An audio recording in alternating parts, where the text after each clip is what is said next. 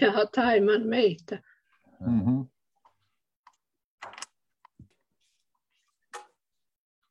Tā, Kristīna pazuda atkal. Nu, gan jau pieslēgsies.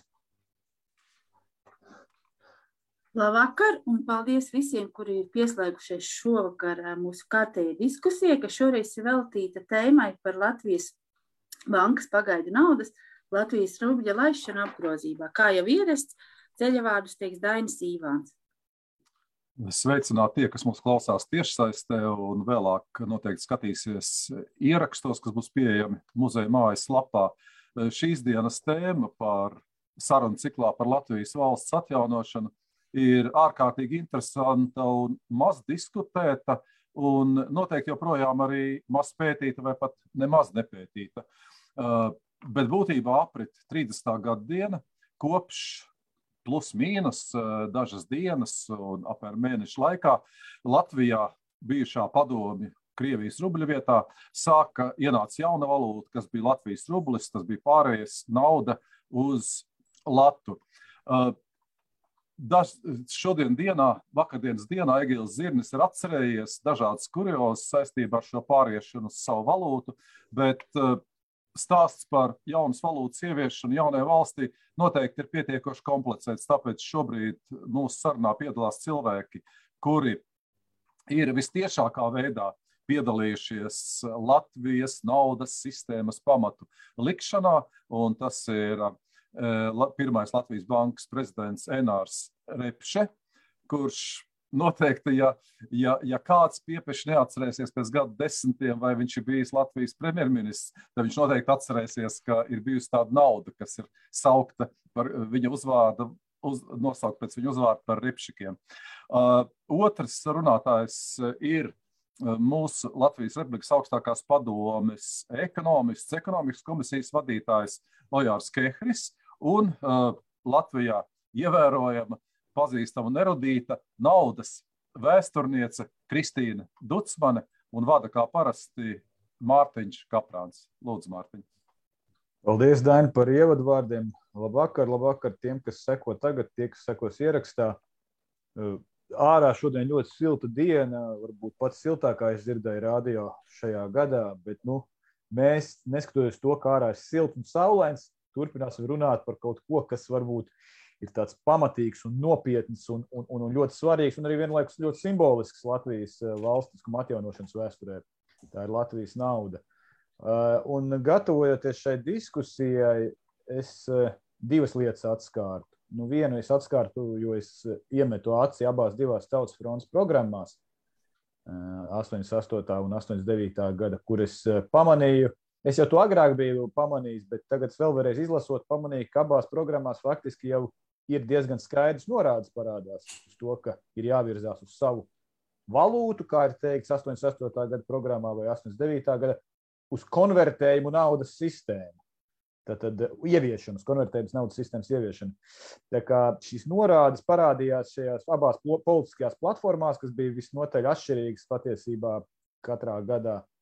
Un tā ideja, protams, bija ļoti skaidri pausta abos, abās divās platformās, šajās programmās, proti, ka tādējādi tiktu nodrošināta Latvijas saimnieciskā patstāvība vai suverenitāte, ekonomiskā suverenitāte. Tā tie jēdzieni figurē.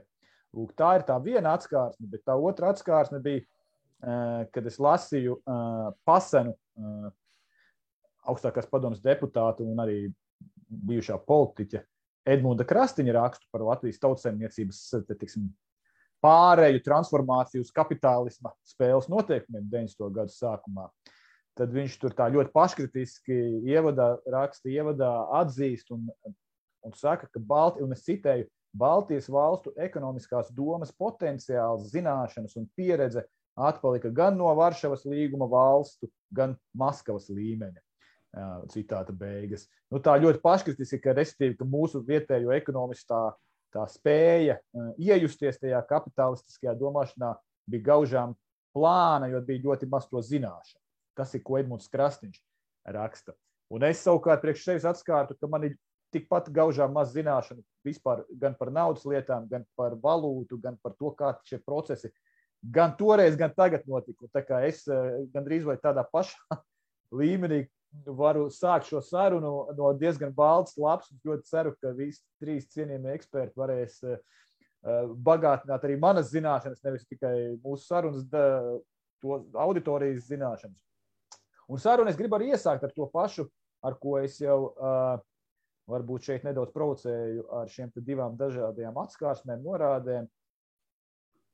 Proti, un es gribētu sākt no 90. gada, tad, kad ir 4. māja deklarācija, kas mums, protams, ir simbolisks un arī ļoti svarīgs politisks pagrieziena punkts, lai gan de facto, protams, vēl jau neatkarība nav atgūta, bet šis simboliskais pagrieziena punkts ir noticis. Un, lūk, tas ir jautājums, ko es, ar ko es vēlētos atvērt mūsu sarunu. Vai šajā 90. gadā Latvijas Tautas frontei vai varbūt tieši konkrēti augstākās padomas deputātiem bija jau skaidra vīzija, kā Latvijā būtu veicama naudas reforma. Vai tas jau bija diezgan atvērts diskusiju objekts? Un tad es. Kam jūs jautājat? Es, es arī gribēju nu, teikt, ka man nav skaidra tāda kārtība, bet kurš pirmais uh, grib atbildēt, lūdzu, Varbūt Refskungs, jūs pieteicāties, eh, vai jūs jautājāt, ka jūs varbūt varētu mēģināt atcerēties, vai tūlīt pat eh, pēc neatkarības deklarācijas jau bija diezgan skaidrs, kādā veidā šī naudas reforma ir veicama, vai tas bija vēl pavisam tāds miglātīts jautājums?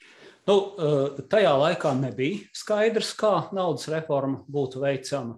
Bet uh, tālredzīgi Ojārs Kehrs, ekonomikas uh, komisijas vadītājs, bija nodibinājis banku un naudas apakškomisiju, uh, kas sāka par šiem jautājumiem domāt.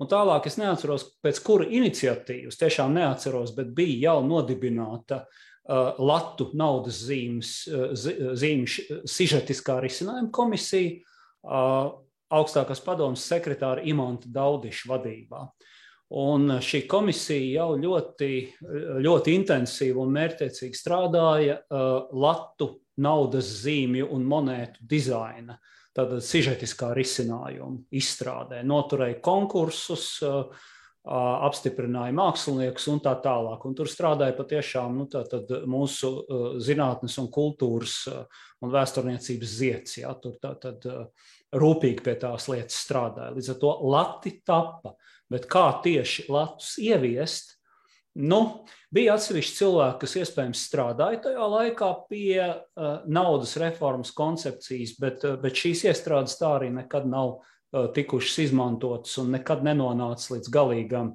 risinājumam, kā tas būtu darāms un, un, un ko vajadzētu darīt.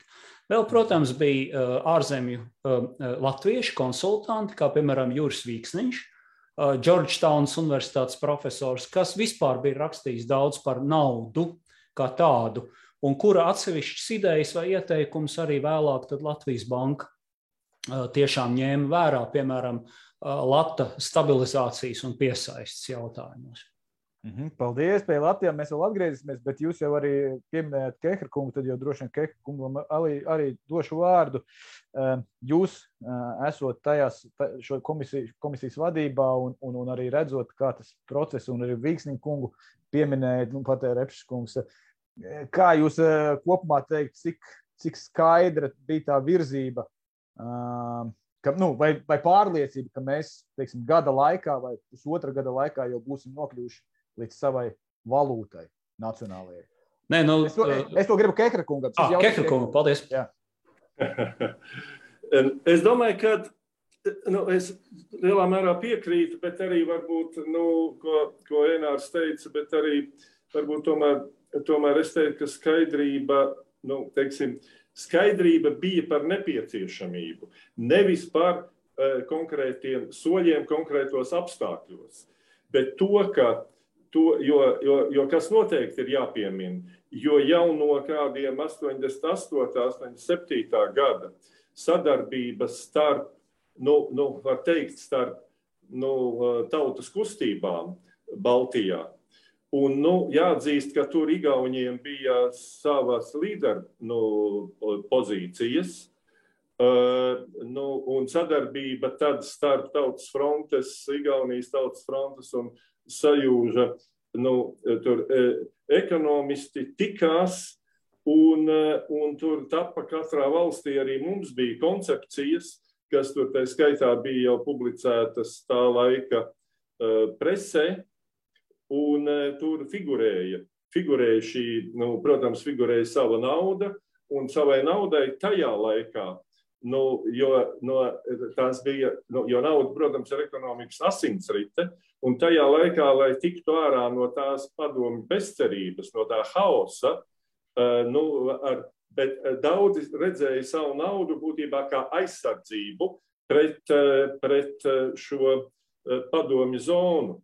Un, nu, jā, dažus datumus es atceros labi, bet noteikti pieminēšanas vērts ir, ir tā, vēl tā laika nu, bija tāds, tas toreiz jau to ekonomiku vadīja tā kā plāni, un bija tāda kā valsts plāna komiteju, un trīs valstu, Latvijas, Lietuvas, Igaunijas, tas notika Rīgā, tika pieņemts ļoti īsts četru, liekam, vai kādu piecu punktu dokuments, saskaņotie saimnieciskā aprēķina pamatprincipi, kurā, kurā vislielāko šoku izraisīja tas, ka tika pateikts, ka mēs, ka Baltijas valstis iet uz savu uz savu naudu. Nu, pēc tam tur esot, nu, esot no Maskavas bijušas tādas domas, ka jūs varējāt rakstīt, ko gribat, bet tikai, tikai ne, tikai neteiksim šo, nu, šo savu naudu. Un līdz ar to, nu, teiksim, tādas tās teorētiskā puse, kādas funkcijas, jo, jo, jo nu, ja mēs nu, neiesim pārāk daudz, varbūt teorijā, bet droši vien gan agrāk vai gan tagad mācās, kādas funkcijas ir jāpild naudai. Jo tā laika padomju rublis nepildīja galvenās naudas funkcijas. Un viens no galvenajiem jau bija inflācija. Jo 90. gads, ja tagad mēs te runājam un, un normāli runājam par deflāciju, par 2, 3, nu varbūt 6, 7 procentiem, 92. gadā inflācija bija tūkst, nu, laikam, precīzi 960, bet, nu, būtībā tūkstots procenti. Un, nu, labi, salīdzinot gadu pēc tam, 93. gads 35, nu, kas arī ir viens no galvenajiem nopelniem, nopelniem, nopelniem naudas reformai. Tā kā jā, es, nu, bija jau, teiksim, Nu, tur jau tā lieta, ka tas ir interesanti, ka, manuprāt, kolēģi presē daudz vairāk tā laika presē rakstīja par to komisiju, ko Irāns minēja, ka pie naudas dizaina kāda, ne, nu, tas ir interesanti un svarīgi, kāda ir, bet, nu, protams, ka daudz, nu, neiksim, no, no ekonomikas viedokļa daudz svarīgāk, protams, ir inflācija, apmaiņas valūtas kurs, tāpat kāds būs sākuma piesaistas līmenis un arī, protams, precīzā forma, kā tiks tiks, eh, tiks pāriets. Tā kā, nu, eh, tā kā par to varbūt bija mazāk, lai gan nu, es īstenībā, jo nu, atcerējos mūsu ir tāds vairāku kopdarbs, kā Latvijas tautsēmniecības vēsture, kas Jumavā iznāca pirms kādiem gadiem.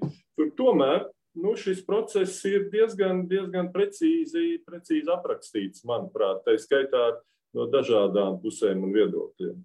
Tas ir labi, jā, jū, jū, tas ir labi, ka jūs arī šo grāmatu pieminējāt. Tā kā ir kaut kāda paliek, paliekoša, tā kā gata krūmiņa, ja nemaldos, rediģētā. Jā, jā tā ir gata krūmiņa, tur ir, jā, jā. gata krūmiņa redakcijā, bet nu, tur autori ir gan pieminētais Krastīņš, gan, gan Osis, gan man tur ir bijis kaut kas tur arī darāms, tā skaitā pa naudas reformu, kur diezgan plaši intervēja arī Eināru Eina repši un, un, un labi, jūs pieminējāt. Bet, nu, viņi ir varbūt daudziem garlaicīgi, viņi ir tādi biezi un gara, bet, nu, vispār tā ir pat tā, tā ir, tā ir, tā ir, tomēr ir grāmata, kur ir diezgan paliekoša. Paliekoši, ar paliekoši, protams. Arī Latvijas bankai, protams, ir, ir, ir, ir publikācijas, kas ir, kas ir vērtīgas.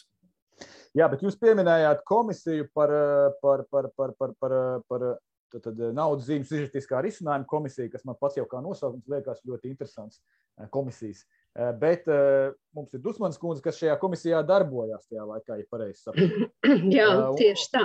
Jā, un varbūt jūs varētu pastāstīt tieši šīs komisijas, jo, kā jau Kehrkungs atzīmēja, ka presē varbūt bija lielāka interese par šīs komisijas nekā par reālajiem kaut kādiem politiskiem lēmumiem, kas bija apakšā, bet tieši par komisijas darbību un kā bija komisija faktiski darbojās un domāja par uh, Latvijas nākotnes naudas dizainu, bet vēl skaidrības, ka tā nauda ieviesta īsti nebija. Nē, nu, varbūt es varu runāt vēl par priekšvēsturi. Vispirms jau bija kultūras fonda izsludinātais konkurss 1989. gadā. Un tas bija ļoti populārs, un tur piedalījās daudz mākslinieku un pat no ārzemēm. Un, un tad jau izkristalizējās apmēram tie elementi, kāda varētu izskatīties jaunā nauda. Un līdz ar to, kad 91. gadā tika nodibināta lūk šī sižetisko risinājumu komisija, tad jau bija iestrādes. Un eh, tas, ka ņēma vienu daļu no, no šī, šī konkursa, bet eh, nu, vis, vis, vis, visi, visi šie darbi neapmierināja. Un tika vēl lūgts māksliniekiem strādāt pie tā un izvēlējās Valda Ošiņā un Imanta Žodžika variantus, kur viņš strādāja toreiz vēl nevien, neviena nepazīstamā no dator, datorgrafiku.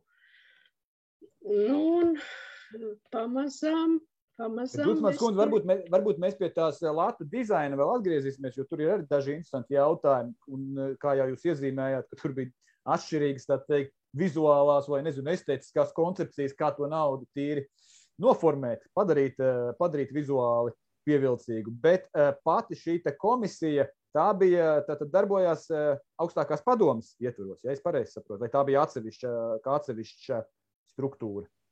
Nu, it kā augstākā padome nodibināja viņu. Jā. Aha. Bet cilvēki, kas tajā darbojās, tie bija nevis augstākās padomas deputāti, nē, bet no, nē, nē, no malas no piesaistīti eksperti. Padomas laikam tikai pats uh, Daudišs. Mhm. Ja bet par komisijām, ja, es nezinu, ja drīkst. Droši, jā. droši, jā. Uh, nu, varbūt es kļūdos, bet varbūt, ka drusku taustamies, kurā virzienā. Uh, manuprāt, ļoti svarīga instrumentālā uh, komisija bija uh, augstākās padomas nodibinātā naudas reformas komisija. Manuprāt, tas ir viens no tādiem nu, bezprecedenta gadījumiem, kad, kad parlaments trīs cilvēkiem nu, pēc amatiem uzticēja veikt naudas reformu un pieņemt visus uh, ar to saistītos lēmumus. Jūs, Repšes kungs un Godmanis. Nu, jā, lai gan varbūt precīzāk būtu pēc amatiem. Centrālās bankas vadītājs, ministra prezidents un, un augstākās padomes komisijas vadītājs. Jāsaka, ka šis bija, nu, jā, nu, tas bija tās pašas Baltijas, nu, var teikt, sadarbības un uh, Igauniem bija, bija līdzīgi. Viņiem laikam tikai bija nevis augstākās padomes, bet, eh, bet finanses ministrs. Ah, kaut kāds GPS. Uh, jā, kaut kāds. jā. Uh, tā kā bija, bet, bet diezgan, diezgan līdzīgi. Un tas, tas tā komisija tik laicīgi izveidota, viņai bija ļoti plašas pilnvaras, Bet pēc tam jau nu, būtībā šos lēmumus, nu, tas jau, nu, mēs zinām arī Lat ar Latvijas banku īstenībā, uh, laikam minējāt, ka pēc būtības tas ir pareizi, ka Repši ir Latvijas bankas pirmais prezidents, lai gan īstenībā viņš, manuprāt, ir trešais, jo pirms tam bija, bija bet nu, tā, tās, tās pirmie soļi nebija pārāk veiksmīgi. Uh, nu, nu, tam atkal ir var, var daudz un gari par to runāt, lai gan tur varbūt arī bija personālī neveiksmes, bet arī no otras puses. Mums jau daudz domājām par savu naudu pirms reālās nu, neatkarības. Bet īstenībā mēs nu, laikam jau diezgan ātri to sapratām, ka tos nebija iespējams. Jo, nu, labi, tur varēja naudu nodrukāt ārzemēs vai tur papīru, bet īstenībā mums jau nebija kontrols pār robežām kur, ja nu, nebūtu brīnums, ja, ja muitniekiem vai nu, PSRS muitniekiem mēs nekontrolējām tajā brīdī savus robežas. Tā, tā, nu, tas viss varēja tikt atņemts un, un, un, un, un, un tā. Tā kā būtībā pēc, tūlīt pēc pēc augusta puča, pēc, lat, pēc, pēc nu, neatkarības pilnībā atjaunošanas, tas darbs aizgāja momentāli ļoti strauji. Un tas, protams, saistās ar, ar Latvijas bankas prezidentu, tā, kas tajā brīdī, ļoti īsā brīdī, tika iecelts Eināra e, Repšas, jā, kurš pirms tam vadīja e, no naudas, e, nu, banku apakškomisiju pie ekonomikas komisijas augstākā padomē. Un tas aizgāja ļoti strauji. Un tad, protams, tas viss tas smaguma centrs pārgāja uz, uz, Latvijas banka, kura sagatavoja naudas reformas uh, uh, komitejas lēmumus. Nu, jā, nu, kas to citu slavēs, ja ne, ja ne paši, bet nu, arī, arī tas starptautiski ir novērtēta kā nu, viena no vissekmīgākajām e, reformām, kas tika veikta īsā termiņā un precīzi. Precīzi un arī šī komiteja izbeidza, nu, izbeidza savu, savu, savu darbību, tad, kad izbeidzās augstākās padomas e, termiņš. Un tālāk jau visi jautājumi bija Latvijas nu, pārsvarā Latvijas bankas kompetence. Un, un droši vien kādam, kādam ir, nezinu, kādā, kādā, kādā atmiņas nostūrī ies, ies, iesēdies leģendārais kadrs no Latvijas televīzijas, kur jūs trīs sēžat pie galda un paziņojat par Latvijas rubļa uh, uh, ieviešanu. Ir tās, kur, kur, kur šķiet divās valodās, pat tas tika runāts, gan latviešu, gan krievu valodā, kur jūs trietā sēžat. Ehm, bet eh, tas tā vienkārši, lai uzsvērtu tās naudas reformas komisijas arī tādu ikonisku, ka viņi palikusi Latvijas vēsturē kaut kur ir ar šo skatu, vismaz man ir saglabājies šis skats. Bet Rečs kungs, jūs, eh, eh, starp citu, cik jums bija gadi, kad jūs kļuvāt par bankas vadītāju? Cik jūs bijāt jauns vai vecs tajā brīdī? Nu, es esmu dzimis 61. gada beigās. Tātad, tajā brīdī es biju gandrīz 30 gadus vecs. 29 nu, gadi. Tas, protams, arī citi kolēģi jums apkārt bija jau gados jauni, bet vienalga tas ir pietiekami, nu, pietiekami jauns. Jūs esat priekš tiem visiem izaicinājumiem, kas stāvēja priekšā. Kā jūs eh, šo banku sākāt vadīt, ņemot vērā arī to, ko Kehakungs ar puķiem pateica, ka iepriekšējie jūsu priekšgājēji varbūt nebija gluži tikuši galā ar to, ko, vaj, ko vajadzēja padarīt. Jūs vairāk tā intuitīvi rīkojāties, vai jūs, teiksim, minējāt Vīksniņa kungu, vai jūs ar viņu arī konsultējāties savā kaut kādā darbā? Protams, un, protams, un es neko negribu sliktu teikt par savu priekšgājēju, to, lai, lai kas saka, citi vērtē. Bet es biju pirmais Latvijas bankas prezidents, kurš faktiski pārņēma mm. Latvijas banku ar tās naudas aprits funkciju. Tātad viņa tajā laikā saucās PSRS Gosbankas Latvijas filiāli, lai gan atradās tieši tajā pašā uh, mājā, kurā kādreiz bijusi cara. Uh, uh, bankas Latvijas filiāli, pēc tam brīvvalsts Latvijas laika, Latvijas banka, pēc tam okupētās, protams, pašpārvaldes banka, jeb, jeb PSRS Gosbankas filiāli, un mēs viņu atkal pārņēmām kā, kā Latvijas banka. Bet pārņemt šo iestādi bija iespējams faktiski tikai pēc augusta puča izgāšanās un pēc faktiskas Latvijas neatkarības pilnīgas pārņemšanas. Ja? Tad mēs iegājām. Un es tajā laikā nu, gan ļoti daudz uh, lasīju un, un, un klausījos, ko teica gudrāki cilvēki, kā profesors Juris Vīksniņš, kā, kā ekonomists Pauls Samuelsons. Es lasīju viņa grāmatas par ekonomiku. Un arī man bija ļoti laba sadarbība ar uh, tā laika PSRS Gosbankas Latvijas uh, republikāniskā kantora vadītāju Alfrēdu Bergu Bergmanu. Viņš piekrita tātad strādāt ar mani toreiz tandēmā, ka es būtu pirmā persona, viņš būtu mans vietnieks, otrā persona.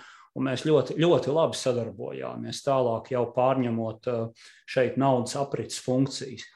Nu, nu tā es iedziļinājos tajos praktiskajos jautājumos un sadarbībā, ciešā sadarbībā ar kolēģiem, tad mēs pamazām arī virzījāmies uz priekšu. Un uh, sadūrāmies, protams, ar ļoti praktiskām naudas aprits problēmām. Ja?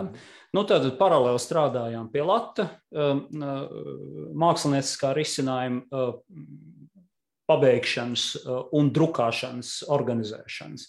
Tur noturējām konkursu starp, starp dažādām drukātavām un beigās izvēlējāmies starp vairākām rietumu, izvēlējāmies vienu no labākajām, tātad Gīzeka un Devrient Vācijā. Un pamazām tie lata, lata drukāšanas priekšdarbi tika veikti. Ja? Un līdz tam brīdim mēs bijām spiesti turpināt apritē lietot Krievijas, jeb Padomju Savienības rubli. Nu, un tur sākās problēmas. Pirmkārt, mums šos rubļus vairs neviens nepiegādāja. Nu, Neļaunprātības dēļ toreiz Krievija bija diezgan atbalstoša mums pēc neatkarības atjaunošanas, bet viņiem pašiem aptrūka. Līdz ar to naudas zīmēm pamazām nolietojoties un, un tiekot izņemtām, jau sadriskātām no apgrozības, nebija ko vietā likt. Nu, Alfrēds Bergs Bergmans ļoti, ļoti tālredzīgi un ļoti taupīgi rīkojās pret atlikušajām rezervēm. Mums viņa vēl kādam brīdim bija, bet skaidrs bija, ka tomēr izbeigsies. Ja? Mēs centāmies ilgāk atstāt naudas zīmes apgrozībā, retāk mainīt, bet tik un tā. Ja? Nu, tā bija viena problēma. Tā nebija tā lielākā problēma. Otra problēma bija tiešām drausmīgā inflācija. Jo tajā laikā Padomju Savienība brūkot bija kā vienīgo savu finansēšanas, budžeta finansēšanas avotu atradusi naudas drukāšanu, jeb naudas masveida emisiju. Un tāpēc tiešām šī inflācija jau sasniedza 1000% vienā gadā. Un, un tas, nebija, tas nebija paciešams. Ja? Tad bija skaidrs, ka mums iespējami ātri ir ar šo problēmu kaut kas jādara.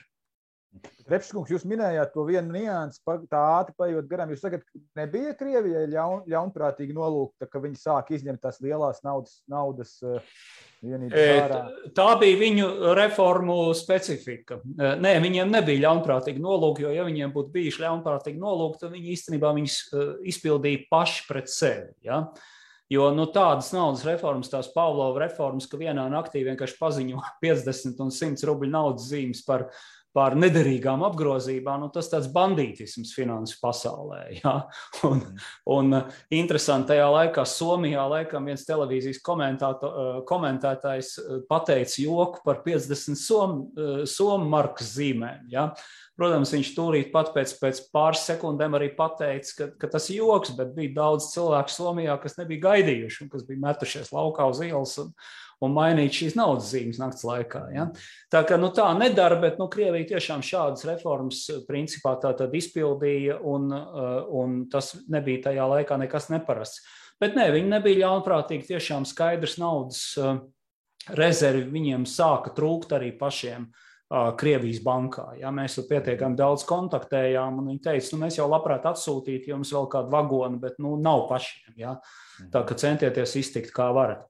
Nu, tas nebija tas trakākais. Pēkšņi parādījās kaut kādi izlūkdienas ziņojumi, kas varēja liecināt par to, ka Krievija ir īstenībā sagatavojusi slepenībā jaunas banknotes, pilnīgi atšķirīgas, un gatavojas pēkšņi izdarīt naudas reformu savā teritorijā, visus vecos padomju rubļus paziņojot par, par apgrozībai nederīgiem. Ja, mhm. tad, tad ar ierobežojošu, konfiscējošu naudas reformu apmainot faktiski visu naudu. Nu, tā nu mums būtu bijusi katastrofa, jo, jo, protams, ja mēs turpinātu lietot apgrozībā vecos rubļus, tad mēs būtu teori, teritorija, kur viņi būtu derīgi, un tad no Krievijas visa vecā nauda lietošanai nederīgā gāstos pie mums pāri robežām, šeit pirktu veikals sausus, un nu, tā būtu katastrofa. Mhm. Tad mums bija nepieciešams aizsargāties. Bet Repskungs, sajiet lūdzu, eh, Kehrakungs jau teica, ka, nu, ka, ka kurš tad cits, ja pats sevi kaut kādā ziņā arī nepaslavēs, kas ir taisnība saistībā ar naudas reformas komisiju, bet ja runā tieši par, eh, par eh, Latvijas rubļiem, nu, jo var teikt, ka teikt, tas noslēgums ir pārējai uz Latviju, bet tieši šī, šis process samērā īsā laikā Latvijas rubļu ieviešana un pietiekami ātri arī viņu, viņu izzušana. Vai mēs bijām vispār saga, labi sagatavojušies šai pārējai no Krievijas vai padomu PSRS, droši vien jāsaka, rubļiem uz, uz, uz, uz Latvijas rubļiem šajā īsajā laikā? Kā jums liekas? Kā jūs vērtējat? Nu, es... uh, jā un nē teiksim, nekāda faktiski iepriekšēji tāda, tāda diža sagatavošanās tur nebija notikusi. Tas, ko dažādi nu, zinātniski orientēti cilvēki bija mēģinājuši gatavot, tur kaut kādas naudas reformas koncepcijas, un, un tas viss bija nu, tikai tā, tad gala gal rezultātā izrādījās pilnīgi nekam nederīga, ja, tāda uh, teoretizēšana, Um, nu, uh, mums bija pilnīgi skaidrs, ka, ka tātad mums ir jāpāriet uz savu naudu, ir jāpāriet, ir jāapkaro inflācija, jo inflācija bija milzīga nelaime. Ja? Ja jūs atceraties tātad, šo lata maiņu pret, pret Krievijas rubļiem, tīri tehniski viens pret 200, ja? tad tas atspoguļoja tajā brīdī notikušo jau inflāciju. Kad naudas vērtība bija kritusies tieši par tik daudz. Ja? Un, ja mēs to nebūtu apturējuši, ja mēs nebūtu atdalījušies no Krievijas, un, uh, tad Krievijas rublis turpināja vēl krist tālāk, vēl 500 reizes. Tātad, ja? Mums izdevās apturēt inflāciju, un paldies Latvijas rublim, līmenī 1 pret 200 pret veco padomi laiku cenu līmeni. Ja? Krievijai šis process ap, izdevās apturēt tikai kaut kur viens pret 100 tūkstošu līmeni. Ja? Mhm. 200 pareizinās ar 500 ir, ir, ir, ir tātad 100 tūkstoši. Ja? Mhm. Un, um, nu, tad bija nepieciešams šo inflāciju uh, steidzami uh, šo jautājumu risināt. Nu, un, uh, un, un, uh, protams, mēs uh, rūpīgi gatavojāmies, lai mums būtu sava pret viltojumu aizsargāta, skaista nauda. Tas bija Lats, bet viņš jau nebija gatavs tajā brīdī, ja, kad nobrieda. Un šī nepieciešamība tad, neatkarīgai valstī ieviest savu naudu, protams, bija skaidra jau no paša sākuma, bet bija vairāk iemeslu, kāpēc ir nepieciešama sava nauda. Un daži no šiem iemesliem kļuva ļoti aktuāli pēkšņi. Un tad divi šie iemesli ir, uh, Krievijas rublis kļuva galīgi nepieņemams, viņš tātad strauji zaudēja savu vērtību. Mēs nevarējām ar tādai inflācijai pakļaut naudu saistīt savu nākotni. Un, protams, tā kā mēs nebijām Krievijas centrālā banka, tad nekādi nevarējām ietekmēt šos procesus. Mēs nevarējām apturēt inflāciju, ja? neieviešot savu naudu. No nu, otras bija tātad šie ziņojumi par iespējamo konfiscējošo naudas reformu Krievijā, uh, kas uh, padarīja problēmu nu, faktiski tūlīt risinām. Un tā bija faktiski viena valdības sēde, kurā piedalījās arī Latvijas bankas pārstāvi, un šajā vienā sēdē tika pieņemts lēmums uh, ieviest Latvijas rubli. Keharkungs, uh, uh, kādā mērā šī pārēja uz Latvijas rubli, pakavējoties vēl pie Latvijas rubļa, tika saskaņot ar citām Baltijas valstīm, vai tas bija tāds vairāk mūsu pašu Es vispirms, ja, ja, ja, ja var, Mārtiņ, es vienu mazu atkāpītu un uzreiz pie, pie, tā, pie, pie Latvijas rubrikas.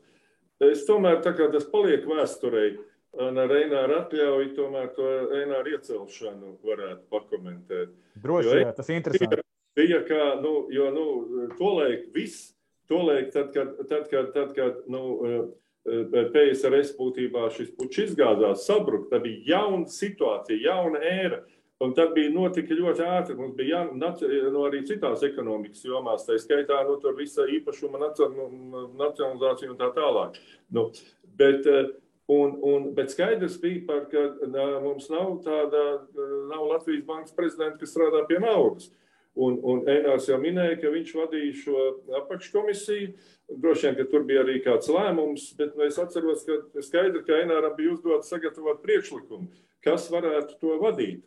Un es tagad, kā tagad atceros, mēs staigājām kaut kur pa augstākās padomas tur priekšu līdz domu laukumam un, un runājām. Un es nezinu, gan jau es to esmu Eināram, Eināram te arī teicis pirms tam, Un eh, es tagad gaidīju, ko viņš teiks, ko viņš liks priekšā. Un viņš saka, jā, bet zini, es pats varētu. Un jāsaka, es pirmā brīdī, nu, es, es noklusu, es teiksim, ne, es nebiju to gaidījis. Es nebiju tiešām to nebiju gaidījis, bet, nu, ne, nu tad lietas notika, notika strauji.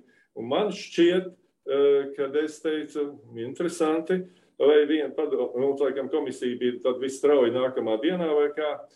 Un vienīgais, ar ko es eh, aprunājos, eh, bija ar Bergu Bergmanu. Jo, nu, bija, kas, es neticēju, ka Berg Bergmans būtu pareizā kandidatūra, bet bija ļoti svarīgi, ka Berg Bergmans turpina uh, lat, nu, to, nu, to rubļa zonu, kur nu, bija skaidrs ne, ne man, bet nu, ne tu arī ne, ne Enāra nebija, nebija pieredzes, lai tā rubļa zona noturētos.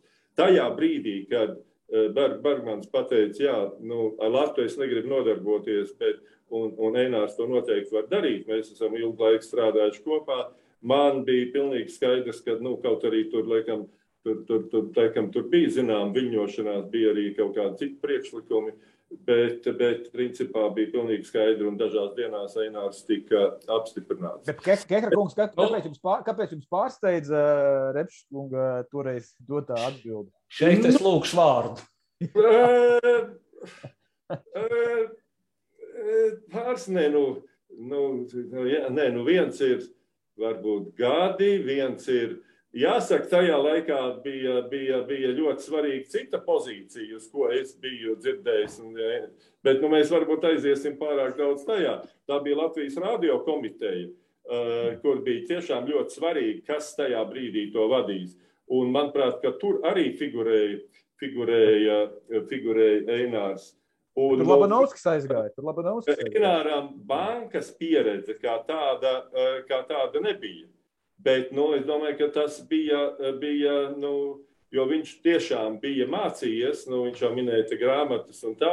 Jo vēl tad, kad jo, e, e, augstākās padomas komiteja es formēju, un es viņu, es to varu teikt, es, es, es visus saformēju, bet Einārs atnāca pats. Nē, nu, man bija ļoti liela autoritāte tobrīd pret, e, nu, es atceros, gan Eināru un Dobelis bija divi nacionālās kustības līderi, Nu, un es domāju, ka viņa, tagad ļoti vienkāršoju, viņa jau droši vien vairāk tur ar tiem ieročiem un tādām lietām.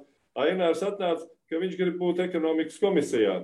Es teicu, nu, labi, jo es gribu, nu, tur ir, tur ir zēles, poģis, tur es, viņš grib no mums mācīties un, un būt.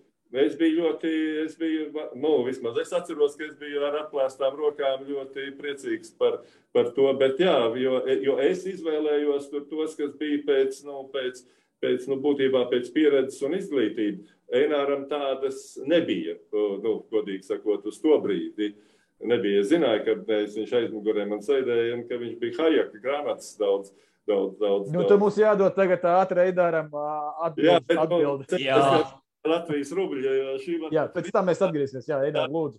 Jā, nu, ļoti interesanti. Tad par Latvijas radio gan tā man būtu pirmā dzirdēšana. Tur es nekādā gadījumā netaisīju. Tad par ekonomikas komisiju Ojāram pilnīgi taisnība. Tad es jau toreiz sapratu, ka Latvijas neatkarība politiskā ziņā uh, Eh, un arī, arī militārā ziņā ir atrisināts jautājums, un ka nākamais Latvijas būt vai nebūs, būs atkarīgs no Latvijas ekonomikas. Un tāpēc es tiešām lūdzu Ajāram, lai viņš man būtu gatavs ņemt uh, tieši ekonomikas komisijā. Nu, katram deputātam bija kaut kādā komisijā jābūt. Tā saruna par Latvijas bankas vadītāju, tā bija augstākās padomas kafejnīcā, ēdnīcā. Tur, eh, manā atmiņā vismaz. Uh, Bet nu, tu, te ir jāpasaka, ka pirms tam mēs bijām noturējuši ekonomikas komisijā divus milzīgus konkursus uz Latvijas bankas vadītāju amatu. Un nebijām atraduši kandidātu. Ja? Jo tā tad mēs divkārt rīkojām ļoti plašs, ļoti nopietns konkurss. Bet gribētāji un, bija. Ja? Gribēt, nu, mēs gan bija gribētāji, gan mēs uzaicinājām, un tad uh, Tad, tā, tad eh, bija tātad arī mans priekšgājējs vienā šādā konkursā iecelts, bet nu, tā tad um, tur, tur, tur bija izveidojušās dažas problēmas, kāpēc mēs ekonomikas komisijā uzskatījām, ka mums ir jānotur jauns konkurss. Ja? Bet tātad divos konkursos, un daži no kandidātiem, kurus mēs jau komisijā uzrunājām, gandrīz kā konkursu uzvarētājus, ja, atteicās, nepiekrita tālāk startēt. Uh, Viens no viņiem tiešām bija Alfrēds Bergs Bergmans. Viņu mēs uzskatījām par cienījām kandidatūru, bet viņš teica, ka viņš par pirmo personu iet uh, nevēlas. Ja? Uh, otrs no kandidātiem pēc tam kļuva par Latvijas, uh, par Latvijas Republikas prezidentu, ja, bet viņš arī atteicās, kurš jau bija ļoti tuvu tur. Tātad, uh, kurš faktiski, ja viņš būtu piekritis, viņš būtu bijis Latvijas bankas vadītājs. Ja.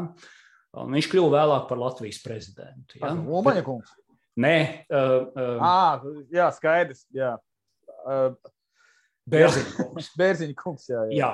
Un viņam bija, viņam bija banka, bankas pieredze. Viņa, viņ, viņš, bija tātad, viņš bija viens no, no tiem, kurus mēs īstenībā aicinājām, vai viņš nebūtu gatavs šo, šo amatu uzņemties. Viņš jau tā kā bija tuvu tā konkursa vadīšanai. Viņš rūpīgi pārdomāja un, diemžēl, atteicās. Nu, pēc tam kļuva par Latvijas valsts prezidentu. Arī, arī ļoti nopietnas postenis, ļoti, bet, bet var sakot, mēs bijām divos konkursos faktiski palikuši pie sasistas silas, un mums nebija vairāk, nebija postenis bija jāizpild, un nebija ko. Un tad bija tas, tā mana patiešām atzīstu vēsturiskā frāze Ojāram, ka paklau, būs vien man pašam jāņemas pie lietas. Ja.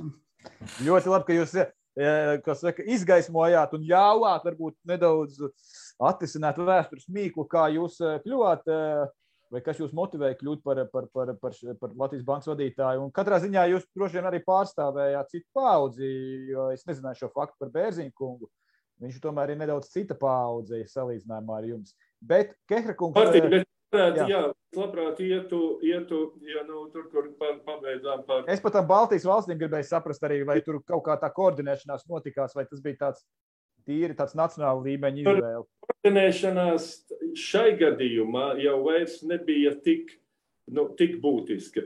Jo nu, nebija jau runa par trīs Baltijas valstīm, bija runa par 15, 15 nu, republikām, kuras nu, katra. Nu, Tur, tur, tur jau katra nu, būtībā centra beidzas spēki bija nu, ļoti lieli. Vieni ieviesa talonus, citi ieviesa kuponus, citi nu, tur tās formas bija ļoti ļoti dažādas. Un līdz ar to, bet atkal, ne, nu, un līdz ar to bija diezgan skaidrs, ka, ka, nu, ka kaut kas ir jādara, jo tas naudas, skaidrās naudas masa, tāda vai nu, citāda, vai papildinājuma rubļiem ļoti palielinās. Tas būtu to taisnība, ka to, protams, drīzāk jau mēģināja saprast arī centrs tā laika Maskava. Bet kas vēl notika? Nu, cilvēki vairāk runā par skaidru naudu, bet bezskaidras naudas masa bija daudz lielāka. Un bezskaidras nauda varēja skaidri, plūst, tika pārskaitīta uz Latviju un bezskaidras naudas veidā izpirkt Latvijas nu, produktus.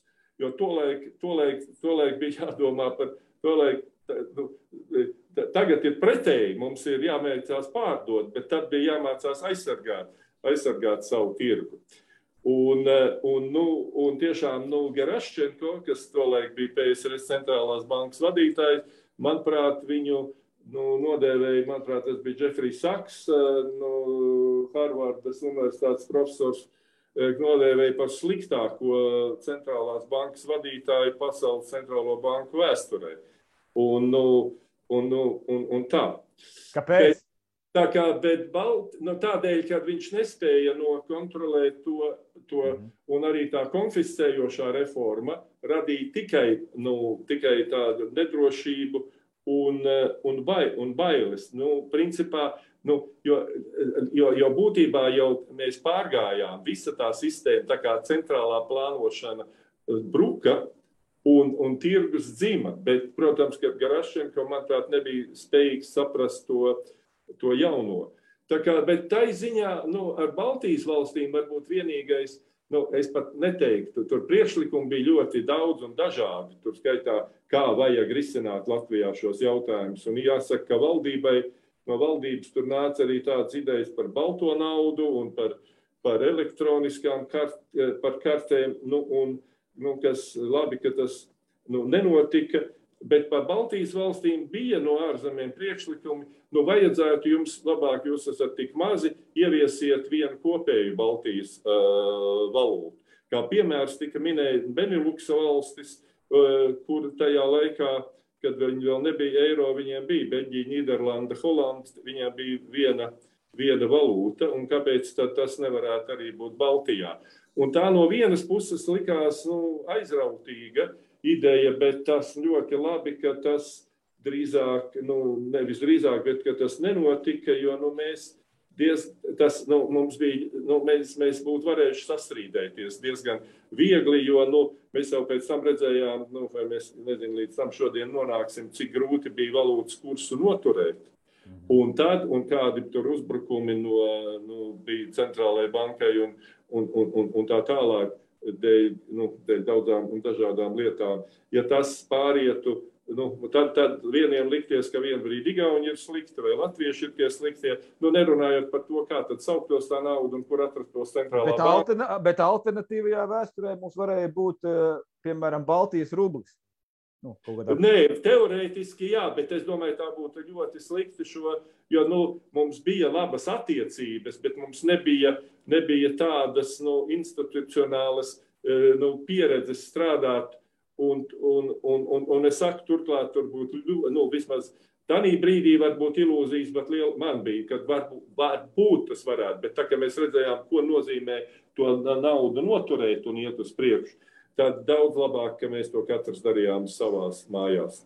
Bet atgriežoties pie Latvijas rubļiem, sakiet, Kekskungs, jums kas, kas deva tās cerības tajā laikā, ka Latvijas sabiedrība, kura jau bija pieredzējusi kaut kādus pirmos šokus, kā jau jūs minējāt, hiperinflāciju un vispārējais, eh, ka, ka Latvijas sabiedrība pieņems repšikus kā šo te jauno? Nu, divas lietas, eh, divas lietas eh, vai, vai, vai, vai galvenās lietas.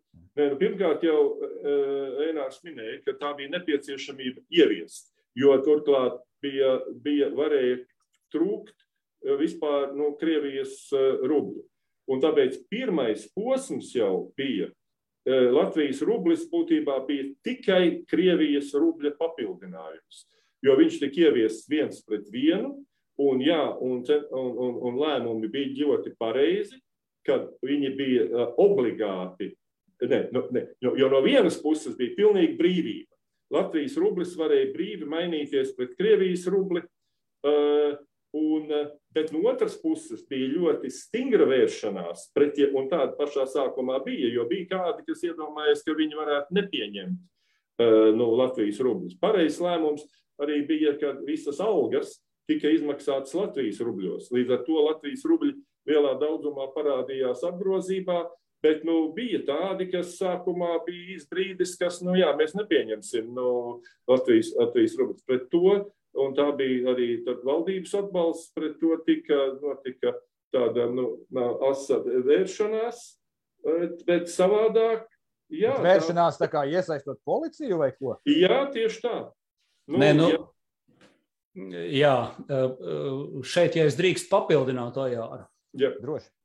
Bija, bija vairāk, nu, tas bija tīri tehnisks darbs, kā, kā ieviest šīs jaunās naudas zīmes un kā nodrošināt, lai viņas netiek diskriminētas un, un ignorētas. Nu, pirmais, pilnīgi pareizi, tātad pieņemam lēmumu nevis, nevis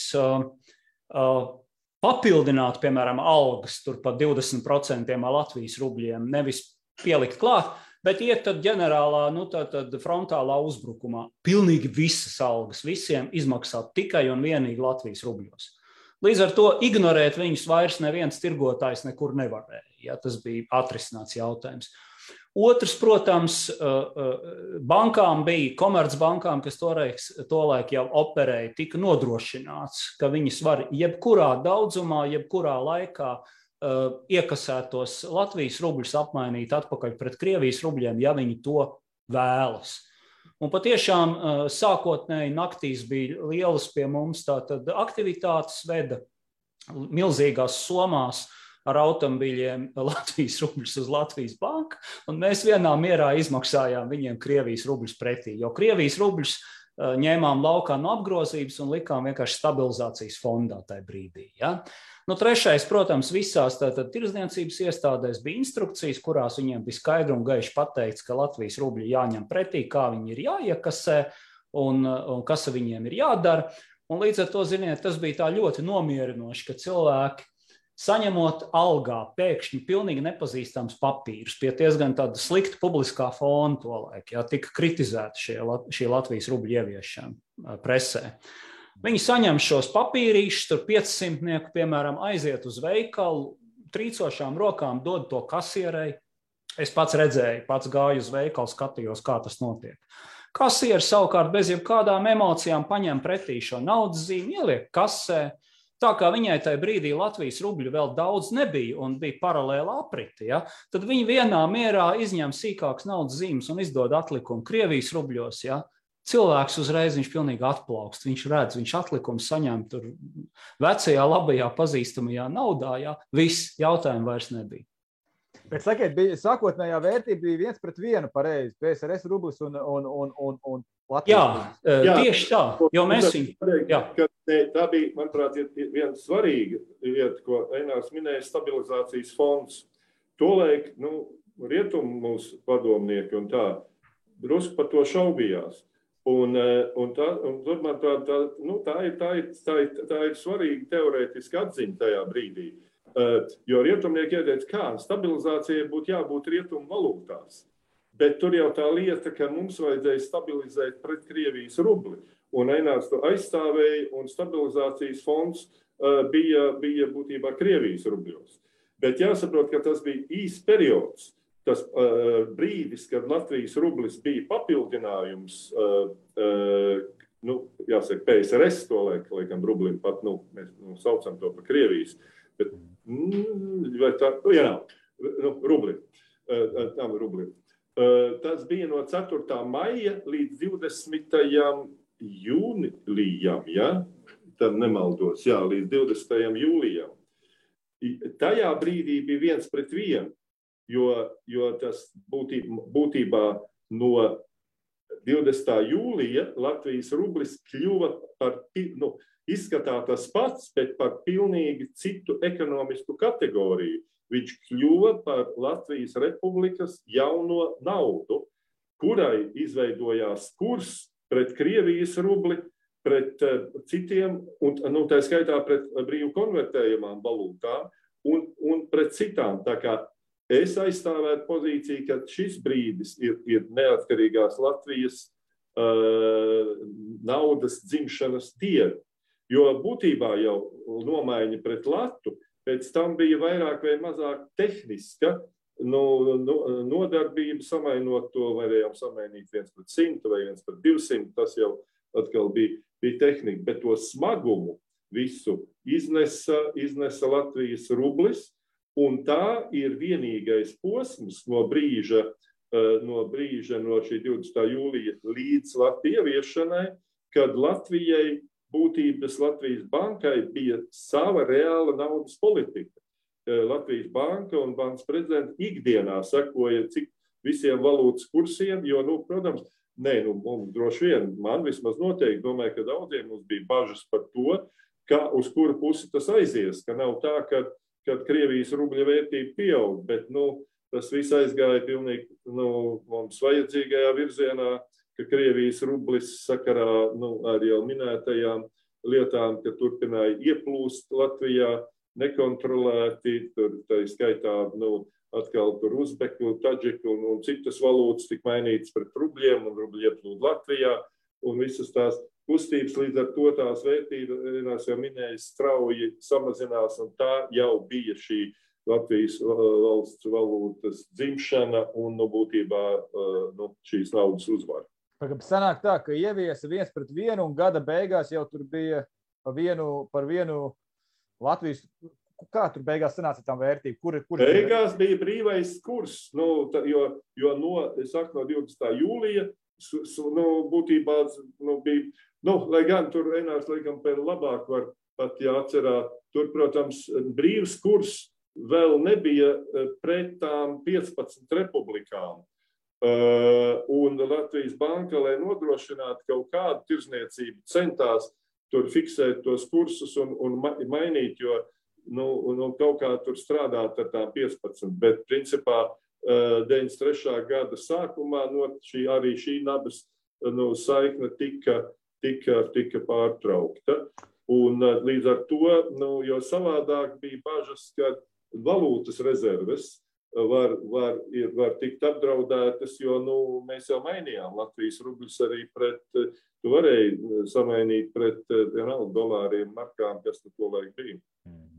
E, nu jā, es grib, jā, es... Tātad šī, šī, šī, ref, šī reforma gāja uh, savus loģiskos posmus. Tātad pirmais uzdevums bija uh, uh, atrisināt uh, skaidrās naudas banknošu trūkumu uh, ar uh, pašu drukātiem Latvijas rubļiem. Uh, Uh, šī reforma bija tik steidzama, tāpēc, ka tika atrisināts arī tas otrs jautājums. Gadījumā, ja Krievija būtu veikusi pie sevis konfiscējošu naudas reformu tad mēs momentā būtu varējuši atdalīties no Krievijas naudas sistēmas, ja mums bija jau sava nauda, Latvijas rubļa, un mēs būtu varējuši aizsargāties. Šī bija tā, nu, kā saka, aizsardzības funkcija. Un tad mēs kādu laiku mierīgi turpinājām sadzīvot kurs, ar kursu viens pret viens ar Krievijas rublu, līdz mums kļuva pilnīgi skaidrs, ka tātad Krievijas banka šeit ved gan pati sevi, gan, gan arī visu pārējo rubļu zonu tikai pretī inflācijas bezdibenim un sāka mums gan skaidrs, gan bezskaidrs naudas veidā ieplūst ar vien vairāk naudas no, no ārzemēm, kur viņu eh, no, no rubļu zonas, kur viņu brīvi, neierobežot drukāja. Tad jau tajā brīdī dažādas pat centrālās bankas. Nu, un tad bija nepieciešams vienkārši sevi aizsargāt pret šo tātad bezvērtīgas naudas invāziju, un tad bija brīdis, kad Latvijas rublis tika atdalīts no Krievijas rubļu, no rubļu zonas, rubļu zonas pārējās valūtas palika par ārzemju valūtu. Tik tiešām tātad pret rietumu valūtām Latvijas rublim jau bija labs, labs savs kurs, jo šeit bija valūtas maiņa. Pret Krievijas rubli arī pret pārējām bijušās PSRS zonas naudas vienībām. Tad tas kurs pamazām veidojās, ojārām taisnība, bet faktiski mēs ar, ar to brīdi, kad Latvijas rublis atdalījās no Krievijas rubļa, uh, tik tiešām kļuvām par pilnvērtīgu un neatkarīgās Latvijas centrālo banku un, un naudu. Un tas tiešām ir tā, ir Latvijas naudas dzimšana pēckara apstākļos. Um, tik tiešām Latvijas rublis uh, inflācijas uh, apturēšana iznes uz saviem pleciem un faktiski lielāko naudas reformas smagumu. Ļoti labi. Un tad šajā vietā es gribēju arī atgriezties atpakaļ mūsu sarunā arī Dutsmans kundze, kura vairāk klausījās šajā brīdī. Bet eh, atgriežoties pie, pie, pie Latvijas rubļa, kur arī, protams, eh, bija jāizstrādā, jāizstrādā saka, dizains un, un, un, un, un attiecīgi vizuālais noformējums. Un es eh, lasot vienu jūsu publikāciju, kur jūs aprakstat šo, šo visu procesu, man piesaistīja uzmanību tāds jūsu izteikums, eh, un no tā arī varbūt būs mans jautājums, eh, ka jūs rakstat, ka tas bija Kirillis Šmeļkovs, kurš tika piesaistīts pie dizaina sagatavošanas eh, repšikiem.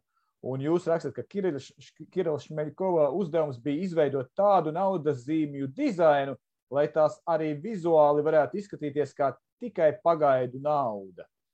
Nu, tas tāds interesants uh, vērtējums, ka, ka jau iekšēji, jau sākotnēji Un es, es, man ļoti spilgti prātā vienmēr ir šis dizains. Viņš ir tāds ļoti dinamisks un tāds enerģi, enerģisks, grafisks. Ļoti.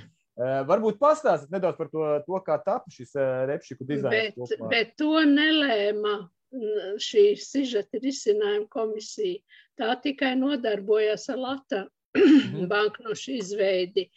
To vei, tur bija iesaistīts Laimons Šenbergs, liekas, un, un tas strādāja atsevišķi.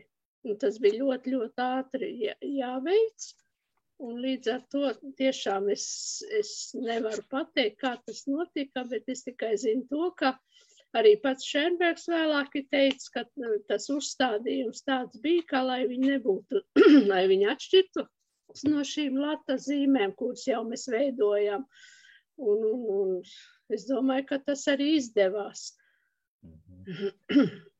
Jums ir kaut kas piebilstams arī par iepriekš teikto no, no Kehra kunga un Repša kunga puses, vai jūs pagaidām? Nē, nu, varbūt tas, ka šī komisija strādāja jau pirms izveidojas e, šī, tas triumvirāts. Mm. Un, un, un tas tikai oktobrī izveidojas, bet mēs jau strādājam no, no, no februāra, bet uh, Ar triumvirātu jūs domājat naudas reformu komisiju? Ja? Jā, jā, jā. Ah, jā. Un eh, vienkārši lata izveide kavējās, jo tas nevienam jau nebija pieredzes.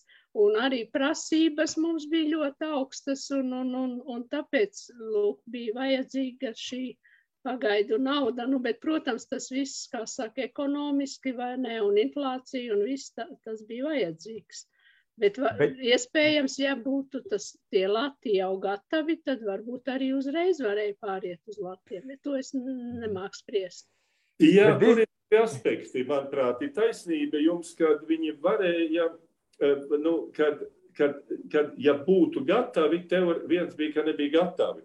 Bet man, vismaz mums no ekonomiskās puses, bija bail, ka, nu, ka bija tūkstoši inflācija. Un iedomājieties, nu, iedomājieties, ja nodrukātu skaistos, lieliskos, toreiz vēl nebija iesaistīti, bet es sekoju, un es zinu, ka tur bija labākie mākslinieki un skaistas zīmes. Un tad pēkšņi tā inflācija vienalga būtu 200, 300, un, un, un tas, un tas simtlatnieks nu, jau būtu pavisam bezvērtīgs. Un tāpat mēs zinām, ka tika kaltas eh, metāla monētas, kuras nu, atkal varēja kļūt par, nu, būtībā par tikai par, nu, par, par, no, nu, par bezvērtīgu. Un tad tu nevari viņus izmantot ne automātos, nekur. Jo to, ka inflācija izdosies tik strauji stabilizēt, Nu, tas īstenībā, nu, es, es īstenībā, nu, to var teikt, uz to gājām, bet nu, par to nebija pārliecības. Tāpēc jau arī tas kurs viens pret 200, ja būtu zinājis, cik labi gāja, nu, varēja iet arī viens pret 100 apmēram. Nu, bet nu, Latvijas rubļus paspēja sadrukāt pietiekošā apjomā, lai viņiem. Jā, nu, jā. Nu, tā jau nav tik grūti, jā.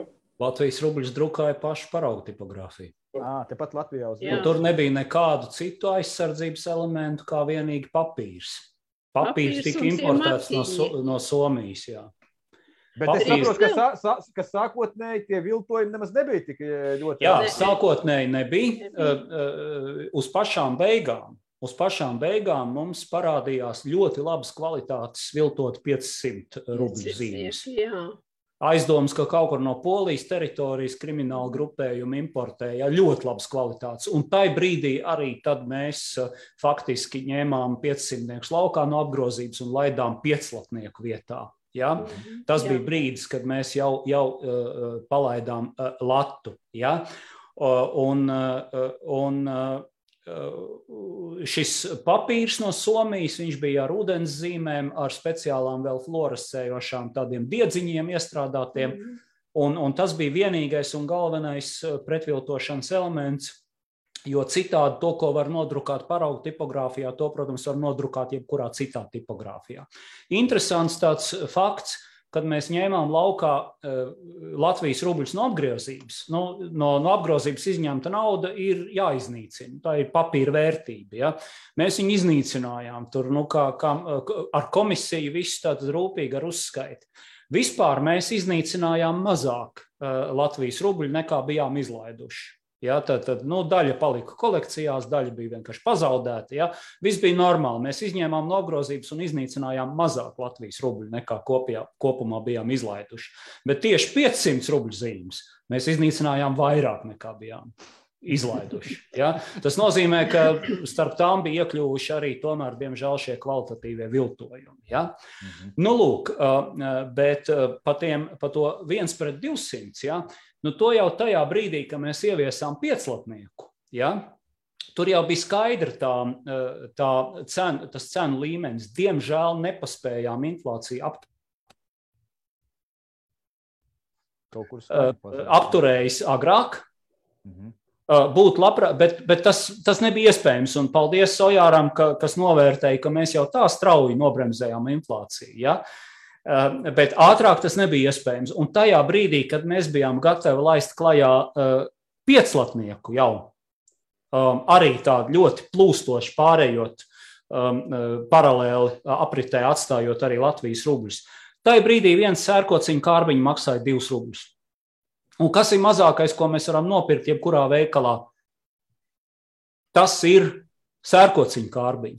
Padomju laikā sērkociņa kārbiņš maksāja vienu kapeiku, Ja? Un, uh, un, un, un līdz ar to bija loģiski, ja sērkociņa kārbiņa tajā brīdī maksātu vienu santīmu, kas arī bija mazākā monēta. Pretējā gadījumā santīms būtu, nebūtu vajadzīgs, būtu jāmet ārā faktiski. Ja? Nu, tur arī radās tā proporcija, viens pret 200, ja, lai, lai sērkociņa kārbiņa jaunajā naudā, skaistajā naudā maksātu vismaz šo vienu santīmiņu. Tā, šī, drīkst šī, šī, vēl. Jā, droši, droši, jā, drīkst droši. vēl par rubli. Mēs, kā vadām ekskursiju, mēs vienmēr sakam šādu frāzi, ka šis ir gadījums, kad kaut ko cilvēki mācās no vēstures. Un es gribētu Repšs kungam jautāt, vai viņš zināja to, ka jau 19. gadā bija Latvijas rubļi? Jā, Dutsmans kungs, es to zināju, bet tas nebija nekādā veidā priekšnoteikums, kāpēc viņi tika ieviesti tagad. Ja? Vienkārši tas bija racionālākais un vienīgais iespējamais risinājums tajā kritiskajā situācijā, kad mums vajadzēja ātri savu naudu, ātri mēs varējām nodrukāt tikai paraugu tipogrāfijā. To nedrīkstēja saukt par latu, jo lats tika jā, jā, visaugstākajā mākslinieckajā līmenī vēl gatavots. Ja? Uh, Un tā tad nu, loģiskākais nosaukums, kas jau kādreiz vēsturē, iespējams, līdzīgu apsvērumu dēļ tika izmantots, bija Latvijas rublis. Ja? Mēs nekopējām, bet nu, kaut kā tā vēsture izrādījās kaut tiešām ļoti līdzīga. Jā. Paldies.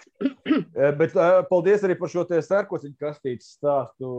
Kehrakungs teica, ka tas tāds tehnisks bija vairāk jautājums, kā noteikt lata kursu, bet uh, tomēr tehnisks vai mazāk tehnisks, bet tomēr interesanti, ka tas, ir, ka tas šādā veidā faktiski tika noteikts. Tad viens pret divi simti, pareizi tāds bija. Ja man bija jā, tā, ka es, jā. Tā, es sāku lasīt. Daudzi nevar varbūt domā, ka tam ir, ka tas, tas tomēr, tas jāsaprot, ka šis kurs, tā, tā, to mēs gan varējām brīvi naudas reformas komiteja noteikt. Un tā bija mūsu, nu, nu, ne, nu brīva izvēle. Un no tas, bet tas, un, jo tas neietekmēja reālo nu, ekonomiku. To ne visi vienmēr, vienmēr saprot. Ar to, ar to, ja mēs noteikti viņu viens pret uh, eh, 300 vai pret 100, nu, uh, ne Latvijas ekonomika, ne Latvijas iedzīvotāji nekļūtu ne bagātāki, ne, ne, ne, ne nabagāki.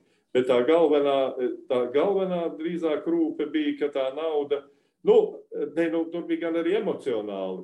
Man, man, nu, jo mēs zinām, ka kaimiņu valstīs, tā skaitā Zviedrijā un vēl ar vienu, pieņemsim, ja tu reiti skaties, nu, ļoti vienkāršoti e, dolāru vai mārciņu, e, britu mārciņu. Ja e, bija ir pret skandināvu valūtām, ir apmēram, nu, es ļoti, ļoti brīvi saku, nu, 1 pret 7 līdz 1 pret 10. Turpretī, nu, nu mēs gājām uz tas, ka viņi ir tuvāk, nu, tā kā apmēram kā arī eiro tika ieviests, un vienu laiku jau Latvijas tad arī bija diezgan, bija, nu, būtībā viņš bija spēcīgāks par, par eiro. Nu, manuprāt, mums šajā naudas reformas komisijā tur gan protokolu liekam nav, bet bija doma vai nu viens pret simts vai viens pret divsimt, kas arī bija tie loģiskākie uh, risinājumi. Nu, manuprāt, mēs šos argumentus par sārkociņu kastīti, nu, man arī drīzāk, nu, es saku, bažas, lai, lai nepazaudētu tā skaistā nauda, nu, vērtību un metālu naudas, eh, manuprāt, mēs vienojāmies par šo 1 pret 200. Lai gan, nu, droši vien tikpat labi, nu, tur varēja būt 1 pret 100. Par lata vērtību runājot, Refskungs, eh, nu, un tad jau plašāk nedaudz arī kopumā skatoties, nu, to nevar noliekt, ka spēcīgais vai stiprais lats kaut kādā ziņā arī ir viens no jūsu tādiem nu, restīvi simboliem, vai, vai, vai tas, kas, kas, kas izraisa asociācijas eh, ar to laiku, kad jūs bijāt arī bankas eh, vadītājs. Eh, bet vienlaikus, protams, ir dzirdēts no citiem ekonomistiem un arī varbūt nezinu, analītiķiem, ka, ka, ka tas ir bijis arī kaut kā ne īsti racionāli pamatots vienmēr šis stiprā lata, spēcīgā lata uzturēšana, kas ir vairāk bijis kaut kādos iracionālos, simboliskos motīvos sakņots, ka netik daudz Kā jūs eh, teiktu, kādi bija tie galvenie apsvērumi uh, uzturēt tik? Uh, šeit vairāk jautājums ir nevis par simbolismu, bet šeit ir jautājums vairāk par ekonomiskām teorijām un monetārajām teorijām. Ja? Un es nepārprotams sekoju Nobel prēmijas laureāta Paula Samuelsona sliedēs un arī, arī tādu kā Jeffrey Sachs un, un arī Juris Vīksniņš ja, sliedēs, kuri uh, kur uzskatīja pavisam vienkārši, ka naudai ir jābūt stabilai. Naudai ir jābūt uh, norēķina līdzeklim, uzkrāšanas līdzeklim, vērtības mēram. Viņš nedrīkst, ja tu uh, uh krāj uh, savus ietaupījumus naudā, viņi nedrīkst uh, laika gaitā zaudēt savu vērtību. Vismaz nedrīkst to darīt pārāk ātri. Ja? Tātad naudas stabilitāte. Naudas uzdevums nav saskaņā ar šo teoriju ne risināt ekonomiskas problēmas. Tas ir valdības budžeta un citu instrumentu, fiskālās politikas jautājums. Ja? Naudas uzdevums nav finansēt karus vai izgāzušos ekonomiku. Ja? Nu, tur, kur, tur, kur cienījamie centrālie banķieri uzskatīja citādāk, par vienu piemēru Ojārs jau teica, tas bija Krievijas bankas vadītājs Gerašenko. Ja? Nu, rezultātā arī inflācija tūkstots procenti ja? un, un, un, un rubļu kritums vēl tālāk, ja? 500 reizes salīdzinot ar to brīdi, kad mēs apturējām šeit ja? inflāciju. Adolfs eh, Hitlers savā laikā nāca pie varas. Ne viņš bija centrālās bankas vadītājs, bet viņš nāca pie varas lielā mērā pateicoties Bavārijas eh, hiperinflācijai, ja, kas ir viena no traumatiskākajām pagājušā gada, eh, gadu simta hiperinflācijām pasaulē. Ja. Tur arī iedomājās, kā naudas drukāšanu var finansēt Vācijas ekonomiku un kara, iepriekšējā kara sekas. Ja. Es ar milzīgām bažām uh, Šodien skatos uz to, ka pasaulē centrālās bankas ir um, ar naudas drukāšanu, to pašu naudas drukāšanu, ko tagad sauc par kvantitatīvu easing vai, vai uh, citādi, ja, um, ir finansējuši uh, pirms tam pasaules finanšu krīzes sekas, pēc tam Covid krīzes sekas, tagad šķiet arī kara kaut kādas izmaksas. Ja?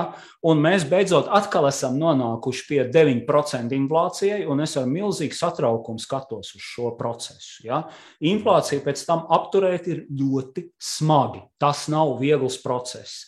Pols Walkers, kas apturēja uh, augstu inflāciju Amerikā pagājušā uh, gadsimta otrajā pusē, ja, viņš, diemžēl, uh, šo svēto darbu darot, uh, izraisīja Amerikā recesiju. Ja. Uh, Un bez tā nevar iztikt. Ja? Tad tev ir izvēle vai nu hiperinflācija, vai apturot zināmu ekonomisku uh, uh, lejupslīdu un sabremzēšanos.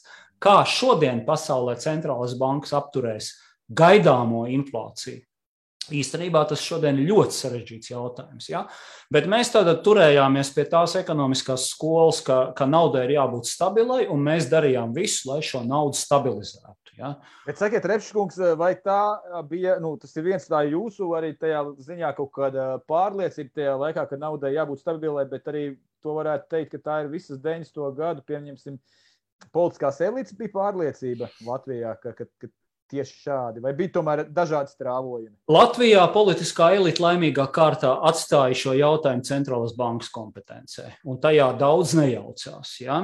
Tāda, Bet spiediens bija. Spiediens, bija, spiediens bija milzīgs. Vienu brīdi lauksaimniecības ministrijas pārstāvis augstākajā līmenī pieprasīja bada novēršanai, nekavējoties izsniegt kredītus lauksaimniecības nozarei, kas aptuveni četrkārši pārsniedz kopējo naudas daudzumu apgrozībā. Bada novēršanai. Nu, kā jūs zināt, bats Latvijā nekad nav bijis, ja, un, un lauksaimniecības nozara nav sabrukusi arī tad, kad mēs atteicām šo. Bet, ja, ja šāda nauda būtu piešķirta un to reāli prasīja lauksaimniecības ministrs, faktiski valdības vārdā, tad uh, lata vērtība būtu aizlidojusi par Ensteli. Ja? Tā kā spiediens bija milzīgs, un tas ir arī centrālās bankas darbs turēties šādiem spiedieniem pretī. Ja? Mūsu lielākie partneri tajā laikā bija Vācijas Bundesbanka, ja? kura bija iz, izējot cauri Vācijai, izējot agrākai uh, inflācijai, hiperinflācijai, bija ļoti stingrā, tātad ļoti stingrās monetārismu pozīcijās un, un, un darīja visu, lai viņu vācu marka būtu stabila, ja? un tā tālāk. Ja? Tā kā mums bija dombriedri, Ļoti interesanti, ja, ka man bija dombiedrs arī tā laika Krievijas premjerministrs Jegors Gaidars. Mēs vienreiz ar Godmanu bijām aizbraukuši uh, vizītē uz Krieviju, un tad tikāmies ar Jegoru Gaidaru. Ļoti gaišs cilvēks, žēl, ka viņš neturpināja vadīt Krievijas valdību. Un, protams, tā kā Godmanim es biju līdzi, tad tur pieaicināja arī Gerašenko. Un tajā laikā Ivars Godmans, kas nebija īsti pārliecināts par to, vai mūsu Latvijas bankas politika ir pareiza, ja? Viņš tādā diskusiju līmenī jautāja Jegoram Gaidarim, uh, uh, stāstīja, ko tur Latvijas banka dara, un jautāja, vai, vai Gaidars, nu, kā viņš pret to, kā viņš varētu komentēt. Un Gaidars bija ekonomists, ekonomisko zinātņu doktors, ja, ja nemaldos. Un Gaidārs vienkārši neslēptā sajūsmā teica, ka tieši tā arī vajagot, un tas ir vispareizākais, ko darīt, un daudznozīmīgi skatījās sava centrālā banķiera virzienā. Ja? Nu, un, protams, Ivars Godmans tā uzdeva vēl dažus jautājumus, un pēc tam viņš atgriezās Latvijā jau faktiski mazliet ar citām pozīcijām, un vairs valdība tik ļoti nespieda uz kaut kādu latu devalvāciju vai pārmērīgu naudas drukāšanu. Nu, redziet, jā, tā, bet pasaulē tad nepārprotami mums bija dombiedri un bija cilvēki, kas uh, arvien vēl šodien turās naudas stabilitātes pozīcijās. Ja? Mārtiņ, man ir jālūdz, nu, kad nu, es, biju, es esmu rēķinājies ar to, jo es esmu vēl Tallinā, rēķinājos ar to, kas bija teikts, un tā man vēl ir minūtes desmit. Kad, jā, jā, jā, jā, droši. Tā kā, tā kā mēs arī tā lēnām sāksim nopaļoties. Bet, bet es gribētu jā. pie šā tomēr pateikt, ka ne, nu, es negribētu ieiet diskusijā par šodienas inflāciju. Tā ir milzīgs jautājums, un nu, es, viņā, es uz viņu nu, ne, nepiekrītu, ne nepiekrītu, kas tika teikts, bet tas būtu jānoliek malā. Manuprāt, tas ir pārāk, pārāk nu, liels jautājums. Un, nu, Bet, eh, bet par tas, eh, kas noteikti būtu jāpiemina, manuprāt, pie, pie, pie Lata, un eh, ir, ir, ir tas, ka mēs jau pievienojāmies. Un šeit ir atšķirības starp Baltijas valstīm, kas ir interesanta, kad mēs būtībā piesējām savu latu pie SDR, Tie, kas tas ir, nu, angliski, laikam, special driving rights, speciālās aizņemšanās tiesības, nu, būtībā pie valūtu groza. Tā laika 5-6 vadošo uh, valūtu groza, kurā, kurā nu, lielāko lomu spēlēja Vācijas marka un uh, dolārs. Turpretī mūsu kaimiņi Igauni aizgāja uz Vācijas marku un, uh, un, un Lietuvieši aizgāja uz dolāru. Un tas bija viens no iemesliem, eh, kur bija nu, dažreiz teikt, jā, jo, jo, jo, protams, dolārs pret Vācijas marku, ja mēs tāpat kā tas šobrīd notiek, eh, nu, eiro pret dolāru, nu, mēdz, mēdz svārstīties diezgan būtiski, pat par nu, 15-20%. Tas, protams, ietekmēja eksportu, importu. Un tad, skatoties, kuram bija izdevīgāk, teica, ka ka Latvijai nu, tagad ir sliktāk kā Igaunijā, vai sliktāk vai labāk kā Lietuvā. Bet manuprāt, ka, ka tieši šis SDR, kas bija valūtu grozs, kas atainoja aptuveni nu, Latvijas tirniecības bilanci, jo nu, eh, nu, energoresursi pārsvarā bija dolāros, un, bet atkal lielākā daļa sadzīves pat, nu, priekšmetu un tā. Eh, tā kā, tā kā, manuprāt, šai ziņā mēs bijām daudz stabilāki, nekā mūsu, mūsu kaimiņi. Nu, un, tā, un no tā brīža, nu, mums, eh, kad mēs būtībā nu, piesējāmies, mēs, protams, teorētiski spiediena rezultātā centrālā banka varēja arī atsieties no šā kursa, bet nu, tas nenotika visu lata pastāvēšanas laiku. Nu, un jā, tie spiedieni, protams, bet, nu, redziet, ir jāsaprot tas, kad nu, ir, ir eh, eh, lata kurs jau ir kādam izdevīgs un kāds nav, ja tu rēķini pret citām konvertējamām valūtām. Nu, viņš tie, kas, tie, kam, ja mēs gribam iepirkt iekārtas, nu, būtībā, ja mums vajag importu, un mums jau vajadzēja ražošanas pārorganizāciju, lai tu kaut ko eh, ražotu, mēs jau paši ražošanas līdzekļus, pado, nu, vismaz ar padomju iekārtām, tur praktiski gan arī neko tu nevarēji ražot. Un no tādā ziņā mums bija izdevīgi, ka lats ir augsts tiem, kas gribēja iepirkt un, un reorganizēt savu. Tie, kas gribēja nu, pēc tam pārdot, viņš, nu, viņš relatīvi un sevišķi nu, vienu brīdi nu, ja tā drīkstētu izteikties, neefektīgai lauksaimniecībai un arī neefektīgai rūpniecībai, nu, viņa, viņa, protams, varēja prasīt milzīgus, milzīgus nu, sev izdevīgus tādā gadījumā kursus, lai tu mēģinātu pārdot šeit saražotos uz, uz, uz vecajām iekārtām, vienalga leduskapjus vai dzirnaviņas vai, vai citas. Nu, un vēl, protams, pensionāriem, kas saņem naudu, nu, un, un ierēģiem, protams, ir izdevīgāk stabils kurs, mazāka inflācija nekā, nekā lielāka inflācija. Bet, nu, manuprāt, tajos arī nestabilitātes apstākļos kopumā, es domāju, ka daudz uzņēmēji novērtēja to, ka tev ir viena lieta, kas ir stabila, un tad pārējo tu vari skatīties savas, savas ražošanas izmaksas, Un, un, un, un, un, un bet, līdz... es pareizi, bet es pareizi sapratu, jūsu arguments būtu, ka mūsu lata piesaiste SDR valūtas grozam bija, bija kaut kādā ziņā priekšrocība iepratīm Igaunijai un Lietuvai. Es domāju, ka tā bija, tā bija priekšrocība, jo mēs piedzīvojām mazāk svārstības nekā Igauni vai, vai, vai Lietuvieši. Jā, es domāju, ka tā bija, tā attaisnoja vēsturiski, ka tā bija pareiza, mhm. pareizāka pieeja. Dusmans kundze, vēl viens mazs jautājums, specifisks, bet es gribēju saprast, eh, arī kas izrietēja no jūsu publikācijas par Latvijas naudas uh, dzimšanu un ieviešanu, par latu runājot, par latu dizainu. Uh, tas īstenībā es esmu arī aizdomājies citās sakarībās, ja mēs salīdzinām mūsu reģiona himnas. Mūsu himna, ja tā varētu teikt, teksta ziņā ir visahistoriskākā. Tur vismazāk ir atsauču uz vēsturiskiem personāžiem vai vēsturiskām reālijām. Nezinu, tur poļiem ir Dombrovskis, Marš Marš Dombrovskis, ja, un arī lietuviešu palasa himnu. Un redziet, mūsu latiem arī neviena vēsturiska personāža, tikai Krišāns Barons kaut kur parādās. Vairāk dabas skatu Vai, tas, vai tam ir kaut kāds kā izskaidrojums, kāpēc mums mm, izlēma nu, nelikt vēsturisku personāžu? Komisijai bija tāds uzstādījums, jo mums bija priekšā Igaunijas nauda, Igaunijas kronas, kurās lūk, bija, kā mēs teicām, piedodiet pa izteicienu šie bārdaini vīrieši.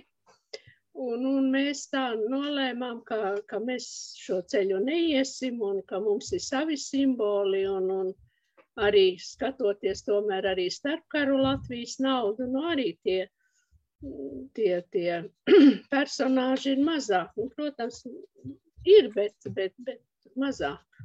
Mm -hmm. Jā. Bet es gribu pašā noslēgumā, nezinu, vai ja Keharkungs vēl kaut ko paspēs pateikt, paspēs, ja nē, tad nē.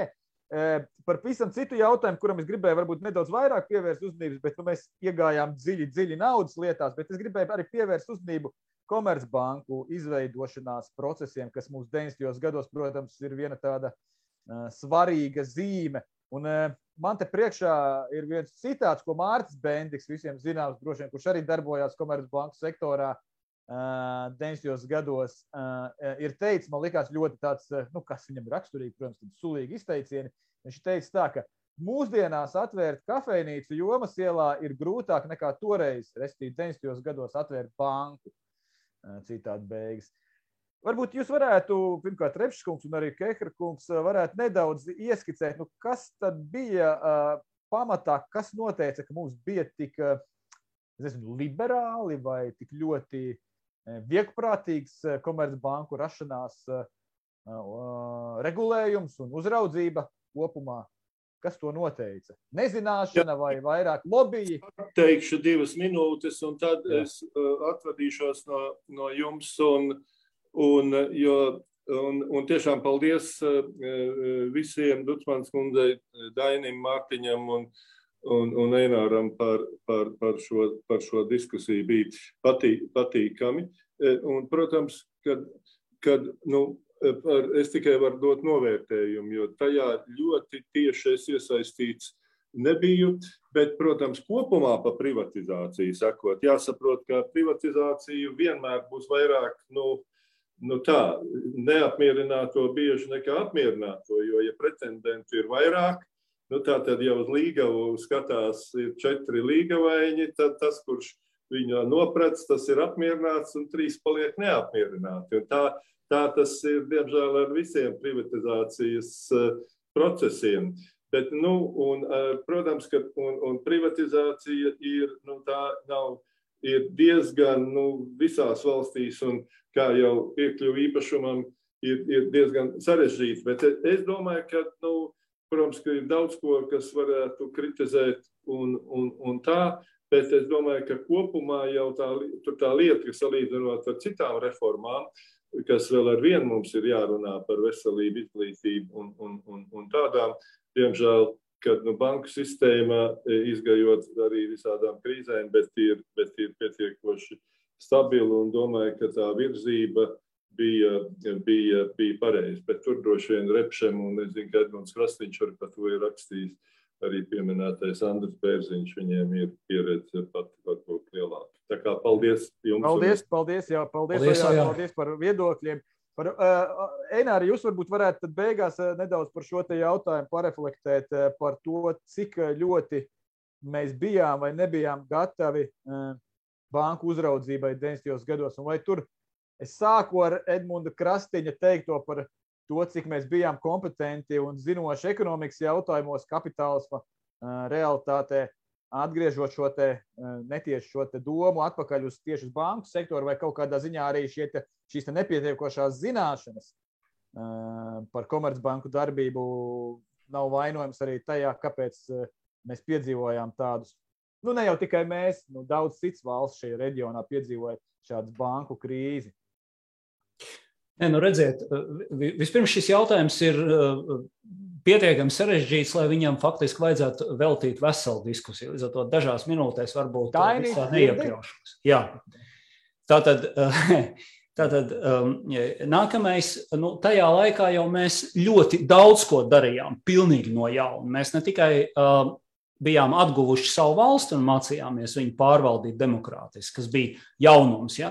Bet mēs pārgājām no vienas svešas ekonomiskas sistēmas no komunisma, no pilnīgas valsts kontrolas uz vienu tirgus orientētu uh, ekonomiku. Pilnīgi visās jomās. Tā bija milzīga transformācija, un arī, protams, banku lietās. Ja? Līdz ar to, teiksim, zināšanas, es domāju, ka mums bija. Vismaz maniem kolēģiem bankā, kas atbildēja arī par banku uzraudzību, zināšanas bija, jo cilvēki vienkārši ļoti intensīvi tajā laikā mācījās. Mums bija arī daudz dažādu konsultantu. Un mēs bijām arī ielaiduši šeit, eh, eh, Latvijā, neatkarīgas ārzemju auditoru firmas lielo eh, četrnieku. Ja? Tad, tad ar milzīgām zināšanām, pasaules pieredzi. Un paradoxālā kārtā mūsu banku uzraugi atsevišķos gadījumos konstatēja problēmas ātrāk nekā šie titulētie starptautiskie auditori. Ja? Bet kas mums, protams, nebija, un nevienam nebija, nebija praktisks pieredzes. Tātad, pirmkārt, šādas ekonomikas transformācijas no komunisma, no sociālisma uz tirgus ekonomiku. Un arī, protams, praktisks pieredzes banku uh, uh, uzraudzībā tādas vienkārši nebija. Jo pirms neatkarības atgūšanas banku nebija. Bija valsts kontrolētas finanšu iestādes ar visam, pavisam citiem tātad, noteikumiem. Nu, un, protams, tajā laikā bija izvēle, ko mēs darām. Mēs šeit importējam zviedru, angļu, vācu vai kādas citas bankas un ļaujam viņām pilnīgi pārņemt mūsu finanšu sistēmu. Ja mēs tomēr ceram, ka paši cilvēki, gluži tāpat kā visu tautsājumniecību radīs no nulles, arī banku sistēmu prasīs paši radīt. Ja? Nu, un acīm redzot, to, toreiz uh, pieņēmām lēmumu, ka ir jāļauj arī saviem cilvēkiem um, uh, nu, uzsākt, darboties un, un, un gūt praktisku pieredzi, un šo industriju tomēr neatdot uzreiz ārzemniekiem. Ja? Uh, Tas bija viens. Otrs, uh, nu, redziet, nebūt ne lielākās problēmas mums nāca no tām bankām, kas tika izveidotas pēc neatkarības atjaunošanas.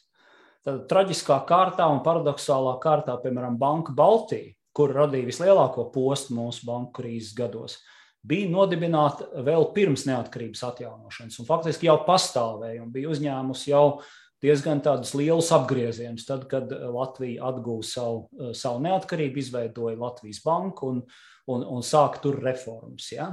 Eh, kur pretī daža laba pēc tam veidota banka, nu, piemēram, Vācijas Latvijas banka, kas vēlāk tika pārdota, un tagad mēs viņu pazīstam vairāk kā Svetbanku. Ja, bet, bet tas sākums bija Vācijas Latvijas banka. Tā bija jaunizveidota, sekmīga banka.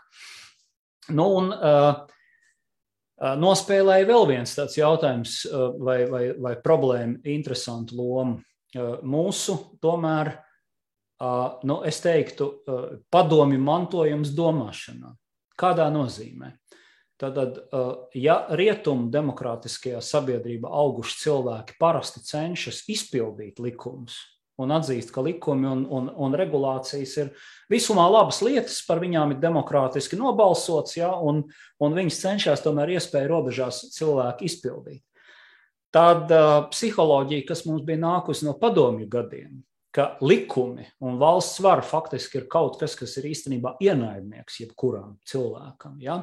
Un ka jebkuru likumu mums pirmām kārtām nevajag vismēģināt izpildīt, bet viņu vajag meklēt, meklēt uh, veidus, kā viņu var apiet.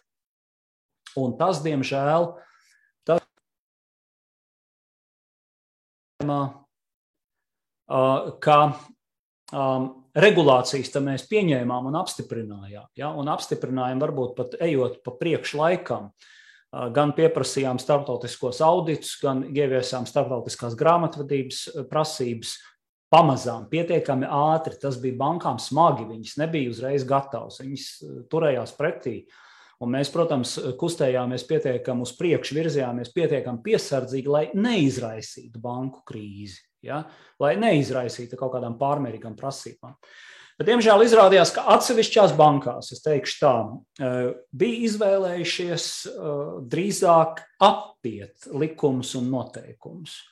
Un, protams, ka to neviena uzraudzības uh, iestāde nevar, nevar konstatēt citādi kā tikai ar kriminālu tiesiskām izmeklēšanas metodēm, kuru, protams, nu, uzraugošai iestādē nekad nebija. Ja? Un, uh, Un tas, protams, problēmu sarežģīja. Ja? Jo, jo, tas arī uh, bija, kāpēc daži labi no lielā četrnieka auditoru firmām toreiz. Viņi skatījās banku finanšu pārskatus, kurus bija parakstījušas tur zem solījuma, ka stāsta tikai patiesību banku attiecīgas amatpersonas. Jā, te ir jūsu finanšu pārskati. Viņi analizē šos finanšu pārskatus un saka, it kā viss ir kā. Vai pat es teiktu, noziedzīgi atsevišķos gadījumos šie pārskati tika gatavoti. Ja? Nu, un, un, un, un, un tas bija viss tas problēmu un uh, lēmumu uh, kopums, kuram mēs izgājām cauri, diemžēl arī ar, ar ļoti sāpīgiem kritieniem šajā jomā. Mhm. Labi, paldies, paldies par šo ieskatu. Uh, banku jautājumā mums būs jābeidz šī saruna, uh, bet katrā ziņā es vismaz, kā es sākumā teicu, ka es esmu diezgan uh, pats nezinošs šajos jautājumos. Es katrā ziņā esmu daudz ko guvis eh, un daudz arī uzzinājis jaunu, un, un, un, un ceru arī, ka tie, kas sekoja tagad tiešraidē un sekos ierakstā, varēs arī daudz ko jaunu atklāt saistībā ar 90. gadu pašu sākumu, kad Latvijas uh, nacionālā valūta sākotnēji kā Latvijas rublis pēc tam kā Latvijas tika ieviesta. Paldies sarunas dalībniekiem un, un droši vien uh, noslēguma vārdiem es dodu atkal Dainim. Jā, kā parasti, paldies. Un šoreiz jāsaka, ir paldies Repšikiem un jādzied paldies eh, Latiņam un paldies arī Eināram, Ojāram un Kristīnei. Eh, šī saruna pierādīja to, ka pārēja uz Latvijas patstāvīgas valsts naudu eh, tika īstenota drosmīgi, gudri un noteikti. Un tas varbūt arī bija svarīgākais šim es varētu teikt, veiksmes stāstam, kā tika ieviesta nauda un radīta Latvijā eh, banku sistēma. Man parasti tādas daudzas lietas valsts atjaunošanā saistās ar personiskiem impulsiem, personiskiem simboliem. Un es atceros, kā tagad vienu brīdi, kad augstākā padoma apsprieda Lata naudas zīmes, kuru paraugu bija ienesta augstākajā padomē, šīs zīmes ceļoja apkārt deputātiem. Un tad es no sēdes vadītāja krēsla pēkšņi ieraugu, ka Einārs paņem to naudas zīmi, izvelk savu tādu salokamo naudas maku un sāk pārbaudīt, kuras ir atbilstošas viņa, viņa makam. Uh, varbūt tā it kā subjektīva, bet tajā pašā laikā tas bija tas objektīvais, ka tā nauda, naudas reformas izvēle, viņa salāgojās ar cilvēku subjektīvajām īpašībām. Uh, man pašam uh, ir, ir, ir šāds subjektīvs piemērs ir Latvijas pase. Eh, Latvijas Tautas fronts muzejā atrodas, es to esmu atdevis, eh, pase ar numuriņu 0001, jo pāris nedēļas pēc Latvijas Republikas neatkarības atjaunošanas de facto man vajadzēja braukt, lai steidzīgi, cik vien iespējams ātri interpretētu Latviju rietumos, un es teicu, es nebraukšu ar padomju pasi, bet Latvijas pasi vēl nebija, tāpat kā nebija Latvijas naudas. Un tad man ļoti steidzīgi no Londonas atsūtīja pirmskara pasas matrici, kur ierakstīju šo 0001, ielīmēju manu fotografiju. Un, eh, un, un, un, un šī neatkarības process turpinājās. Eh, ar to es gribēju pieteikt to, ka mūsu nākošajā sarunā par to, kā mēs atjaunojam valsti, būs stāsts par Latvijas Republikas pasas atjaunošanu. Un tur būs arī aicināts mākslinieks, kas bija iesaistīts gan naudas zīmes veidošanā, gan pasveidošanā, Laimons Šembergs un tāpat arī speciālisti, kas ar to nodarbojās. Eh, tātad tiksimies mēs atkal šai sarunu ciklā visticamāk jūnija trešajā eh, trešdienā, eh, sekojot līdz jaunamiem Tautas fronts muzejā un tad tiekamies. Paldies! Un droši vien, ka turpināsim arī Eināra pieteikto, klusi pieteikto sarunu par komercbankām, jo šķiet, ka tas jautājums arī būtu izrunājams. Uz redzēšanos! Visu labu! Paldies, visu labu. Mhm.